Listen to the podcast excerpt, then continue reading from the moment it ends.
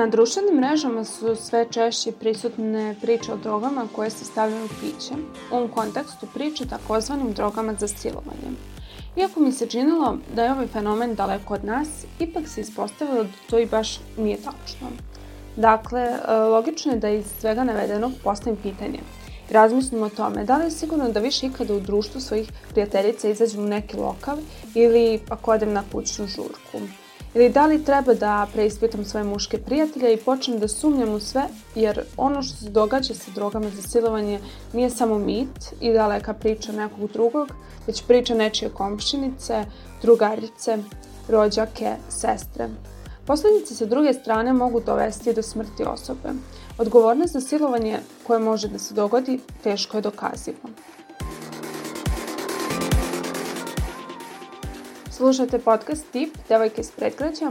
Moje ime je Slavica Trifunović, a danas su sa nama Jelena Jovičić, defektološkinja iz bolnice Vita i Stefan Pejić iz organizacije Regeneracija, sa kojima ću govoriti o takozvanim drogama za silovanje, koje su sve prisutnije ne samo u klubovima, već i na drugim mestima na koja mladi izlaze. Razgovaramo o spikingu, pojavi gde se u piće bez znanja dodaju te substance. Imala sam iskustvo da sam prošle godine izašla na fontanu, bila je baš velika žurka, gomila studenta. E, pila sam vodku koju sam sipala u čašu i nosila je sa sobom i to mi je bila najveća greška i posle jedne čaše sam se probudila u pola noći u svojoj sobi. E, sestra mi je rekla da sam počela čudno da se ponašam i da sam izgubila svest, pa me odvela taksijem i verovatno sam imala neku neželjenu reakciju jer sam u to vreme bila na jakoj terapiji, ali imala sam sreće taj put i sigurno sam da mi je neko sipao nešto u piće jer nikad nisam imala slično iskustva, ni mrtva pijana, niti posle jedne čaše pića. I takođe e, nisam bila pijena jer nisam bila mamurna, samo sam imala prekid filma i ničeg se nisam sećala ni kroz maglu. Ovo je iskustvo koje je sa mnom podijelila devojka koja je želela da ostane potpuno anonimna. Zato je njenoj priči glas dala moja koleginica. Na internetu u određenim grupama moguće je pronaći pregršt sličnih iskustava, što cijel ovaj problem približava nama i našoj sadašnjosti. To se ne dešava negde nekome, već se dešava ovde, oko nas. Zato je važno da se edukujemo i da pričamo o tome kako bismo podigle svest o ovoj temi. Za početak, šta je droga za silovanje i koje su posledice? Defektološkinja Jelena Jovičić iz bolnice Vita sa kojim smo razgovarali objašnjava šta je to droga za silovanje i kako je njeno dejstvo. Tako možemo nazvati zapravo jednu grupu substanci, psihoaktivnih substanci, koje kada se unesu u organizam izazivaju efekte koji bukvalno su pogodni za iskorišćavanje određene osobe. Znači to su uh, najčešće substance koje su neki oblici benzodiazepina, ketamina, rufinola i tako dalje, koje se često u tečnom obliku, koji je bez vode, bez boje i mirisa mogu uneti u organizam zbog svoje strukture i teksture su pogodne za uh, recimo dodavanje u piće, a efekat je takav da osoba na kraju ne ima sećanje na određeni događaj stoga se mogu koristiti kao neka vrsta, da kažem, alata za savršen zločin. Defektološkinja Jovičić takođe objašnjava koje su to posljedice kada je u pitanju ova vrsta droga i njeno nedobrovoljno konzumiranje. A, kada se unese tako neka substanca u organizam, dejstvo se ispoljava već posle nekih 20 minuta i osoba može biti pod dejstvom te substance čak i do nekoliko sati, što zapravo daje određeni period da se eto, nešto sa tom potencijalnom žrtvom može uraditi, da li u pitanju neka pljačka ili to silovanje koje ste spomenuli ili bilo šta drugo. A, ono što je isto bitno naglasiti je da te substance unete u manjim količinama ne moraju baš dati a, takve simptome, ali je zapravo jako taka granica a, kad govorimo o količini koja je potrebna da ipak a, nekoga toliko omami. Posledice izgledaju tako što osoba ima glavobolju, dezorijentisana je, javljaju se slabost, mišićna kontrola je otežana, nesvestica, osoba postaje nekako opuštenija, pojačana je verbalizacija, odnosno osoba lakše stupa u neke verbalne kontakte, samim tim ostvaruje neke druge bliže kontakte, opuštena je, e onda se javljaju kao što sam rekla malo pre, gubitak motoričke kontrole, konfuzija, može doći do poremećaja svesti, do poremećaja nekih vitalnih funkcija, mogu biti ugroženi, na primjer, centar za disanje Posledice su neminovne, neke su blaže, a neke od njih mogu dovesti do oteženog disanja. U tom slučaju je potrebno ukazati hitnu medicinsku pomoć osobi koja je bila izložena ovakvoj vrsti nasilja. A defektološkinja Jovičić objašnjava da je još jedna specifičnost ovih droga to što izazivaju amneziju. A, ono što je posebno specifično je, kao što sam već spomenula, i ta pojava amnezije, znači odnosno nesećanje na taj neki period koji je proveden pod dejstvom substance. Eto što se tiče nekih posledica nakon prolaska dejstva, svakako se amnezije, kako da kažem, karakterišu kao neko oštećenje bar u datom momentu, a osoba ukoliko je doživjela i neku traumu uz to može se psihički poistovetiti sa nekim koje je doživao i traumu nevezano za uzimanje neke substance. Znači sve te neke psihičke posledice, nešto nalik post-traumatskom stresnom poremećaju, mogu se javiti anksioznosti, fobije, strahovi i tako da. Kada se govori o drogama za silovanje, u pitanju je jedan širok pojam koji uključuje različite vrste droga, od kojih su najpoznatije GHB i rufinol. Sada idemo dublje u novim saznanjima o drogama za silovanje. Ove substance, iako se koriste kao droga za silovanje, ponekad se koriste i dobrovoljno za izazivanje svojevrsnog stanja opijenosti. Stefan Page iz organizacije Regeneracija sa kojim sam razgovarala o ovoj temi kaže da je GHB trenutno najrasprostranjenija droga, ali da je neki konzumiraju dobrovoljno, tako da moramo striktno razdvojiti ličnu i dobrovoljnu konzumaciju od one druge sa kojom žrtve nisu upoznate. Fokusirat ćemo se, hajde sada na, na GHB, zato što kažem, najčešće se o njemu priča na taj način. Ovaj, e, njegovi efekti su veoma slični s jedne strane alkoholu, znači prosto ima taj osjećaj opijenosti, pojačava seksualnu želju, uh, povećava euforiju, uh, dakle postoji određeni broj ljudi koji ga koristi u noćnom životu, uh, a da to nije nužno tako što stavljaju nekom drugom to u piće radi ovaj, određenih nasilničkih ponašanja. Slabo razvijena svest o ovom sada već široko rasprostranjenom problemu, ali i posledicama, ukazuje da je bitno naći način kako da se ipak utiče na druge i da doprinese svesnosti o načinu na koji svaki pojedinac može da se zaštiti, ali i da se osjeća bezbedno u javnom prostoru. Svakako, um, ono što definitivno jeste uh, problem o kome se uh, nekako do skoro uopšte nije pričalo uh, ili bar ne na ovaj način, um, jeste da je to očigledno mnogo češće nego što smo svi mi mislili. Um, i da su definitivno uh, potrebni određeni programi koji će govoriti o ovim stvarima. S jedne strane o prevenciji toga, s druge strane o reakciji na sam spiking koji je uvek nasilje, kažem, jer prosto ne možeš bez nečijeg znanja i odobrenja staviti bilo šta toj osobi u piće, a da to nije nasilje. Na različitim društvenim mrežama diskutovalo se o ovoj temi, a devojke su podelile svoje iskustva i situacije kada im je sipana droga u piće i kako je to uticalo na njih.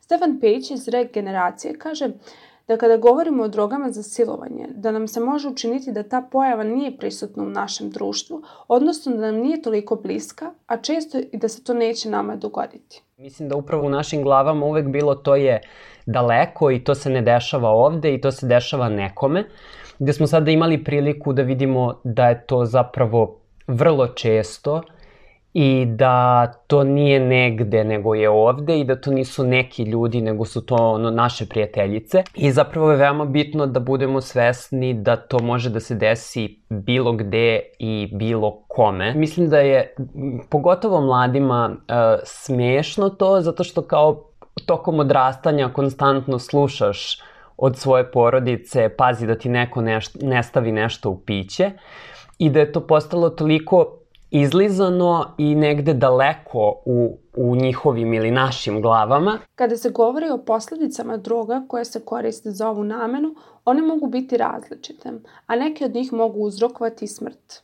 Međutim, daleko rasprostranjenije i teže posledice ovakav čin ostavlja na mentalno zdravlje. Kako bi se radilo na prevenciji ili doprinalo smanjenju ovakvih slučajeva, vrlo važan faktor čine i vlasnici lokala koji će različitim pravilima učestvovati u tome. Osoba koju je neko stavio nešto u piće, to apsolutno nije njena krivica, a nažalost se žrtve često osjećaju kao da su ili one krive, ili da nemaju kome da se obrate, ili mi uopšte, mislim, sramota da, da bilo kome kažu šta se desilo. Nažalost, u ovom trenutku i dalje moramo negde ono svi da se brinemo a, sami za sebe, a mislim nasilnika je uvek bilo i nisam siguran a, na koji način uopšte a, mi kao mi to možemo da rešavamo, ali svakako a, tu je uvek i a, ulogu može imati a, osoblje ili vlasnici određenih lokala gde prosto ako je politika tvog lokala da samo uh, tvoje osoblje nosi piće i ako je politika da se piće otvara pred uh, gostima, mnogo, mnogo stvari tu može da se, mogu se smanjiti rizici svakako. Ili ukoliko se nešto desi, onda bar da se mnogo lakše dođe do toga uh, uh, ko je to uradio. Žrtve se često osjećaju loše zbog svega što se dogodilo, a osjećaj straha i stida je sve prisutan u danima nakon što su drogirane. Većina njih se odluči da ne prijavi ovaj slučaj nadležnim organima upravo zbog toga, ali i pomisle da su same krive i da su na neki način svojim ponašanjem doprinele tome. Ono što jeste negde, uslovno rečeno, pattern, jeste da, uh, znaš, postoji negde strah od toga da se priča o tome šta se desilo, jer je opet uključena droga, a, sram i činjenica da prosto a, mnogi od nas ne znaju šta uopšte da se uradi u takvoj situaciji ili nakon, a, nakon samog spikinga. A, tako da prosto m, potrebno je a, dizanje svesti o ovim temama i negde zaista održati taj otvoren razgovor i prosto dati informacije da, ok, s jedne strane kako da se zaštitiš, s druge strane kako da reaguješ ukoliko primetiš da je nekome loše ili ukoliko ti primetiš da je tebi loše. Stefan Page opisuje šta se događa od trenutka kada droga uđe u organizam, pa sve do toga kako se žrtve osjećaju nakon i zašto one često ne prijavljuju šta se dogodilo. Devojke prijavljuju da su se osjećale mnogo više pijano u odnosu na ono koliko su zapravo popile ili da nisu mogle da negde a, normalno koriste svoje telo ili da su im prosto misli bile raštrkane, da su se osjećale pogubljeno. Ovaj, tako da prosto u, u tom nekom kontekstu um, i njima je jako teško bilo da shvate šta se konkretno tu desilo. A kada prosto efekti svega toga prođu, znaš, ne znaš ko je tu bio uključen, nekako se ide u razmišljanje toga, ok, kako ću ja to da dokažem? I onda e, cela ta procedura nekako rešavaju da uopšte ne ulaze u to, jer je prosto kao dodatno stresa, ali e, mislim da apsolutno svako nasilje treba da bude e, prijavljeno i da uopšte nije na žrtvi da razmišlja o tome kako će se nešto rešiti, već na nadležnim organima. Ovaj problem je i kulturološki uslovljen, dodaje Page. To jeste dosta traumatično iskustvo i negde mm, i mislim da je donekle naša kultura takva da se o problemima ne priča i da ako nije baš onako um, što bi se reklo doteralo cara do duvara, prosto se ne baviš tim stvarima. A, I generalno, opet, naša kultura je takva da kao, pa šta ti ima da pričaš sa psihologom? Znaš, kao nekako uopšte taj moment mentalnog zdravlja još uvek nije uh, uzeo maha kod nas, nažalost. I uh, naravno da je negde žrtvama lakše da da prećute to. Još uvek postoji mala svest o tome da nisu krivi oni koji prolaze kroz to. već da je isključivo kriva osoba koja je podmetnula drogu. A da pored toga što se ovo delo teško dokazuje, ipak je na institucijama da pronađu počinioca. A da bi mogla da započnu taj proces, neophodno je da se prijavi ono što se dogodilo. Međutim, žrtve to najčešće ne čine zbog osjećaja krivice.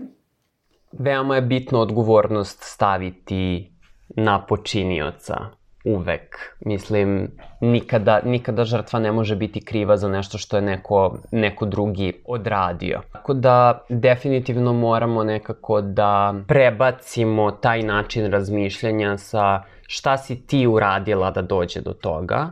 Znači, niko tu ništa nije uradio, nego upravo to, šta je nasilnik uradio i zašto je nasilnik taj koji treba da snosi posledice, a ne žrtva. Kada se govori o spikingu, on može podrazumevati ne samo sipanje droge u piće, već i lekova, ali i povećanje količine alkohola u piću, a često ove substance imaju brzo dejstvo i relativno brzo napuštaju organizam. Ono što je uh, često uh, problem sa uh, spikingom jeste što je jako teško toksikološki utvrditi da li je do toga došlo i koja je substanca bila, zašto ne vrlo brzo napuštaju naš organizam ili prosto menjaju svoju strukturu.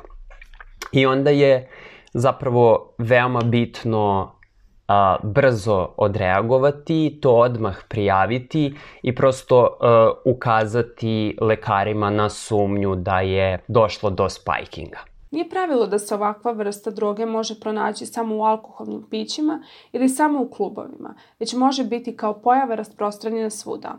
Pa tako Stefan Page navodi da su i u nekim bezalkoholnim pićima podmetane ove droge.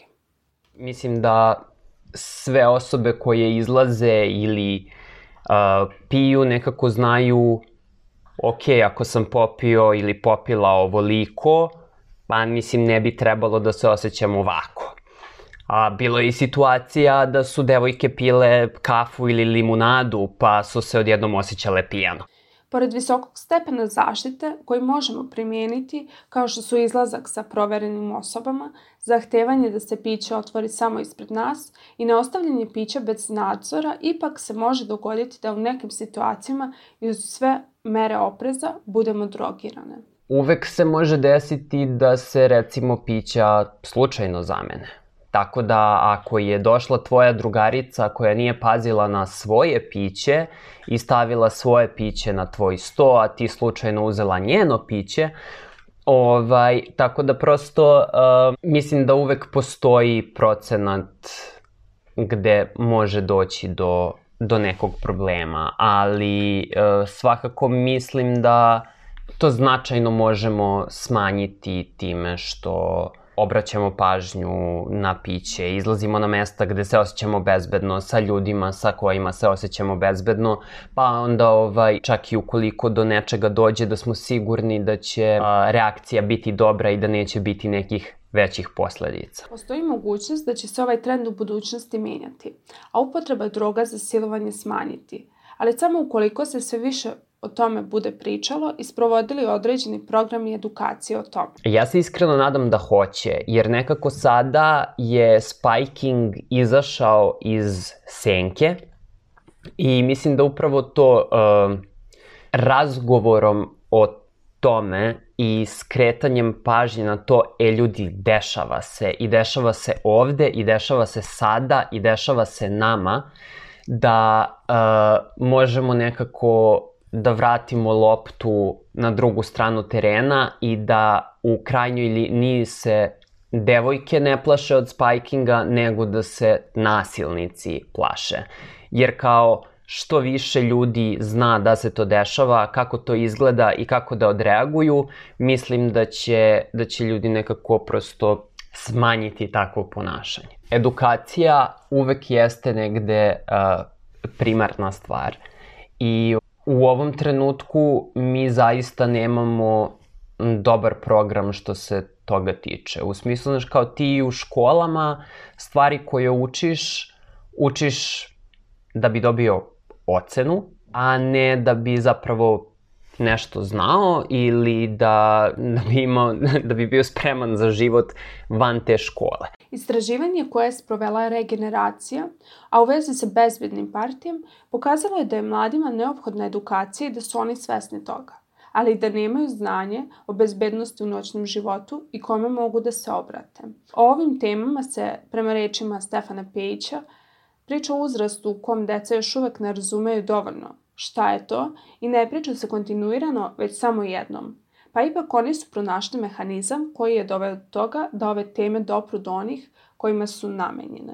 Ono što i mi stalno radimo jeste ta vršnjačka edukacija koja se zaista pokazala kao uh, dobra, jer to onda nije neki policajac koji tebi nešto priča, to su tvoji prijatelji koji znaju nešto, kojima, znaš, kao nekako prirodno gravitiraš, uh, mnogo lakše će vršnjak da dopre do svojih vršnjaka nego neka osoba koja je uslovno rečeno autoritet.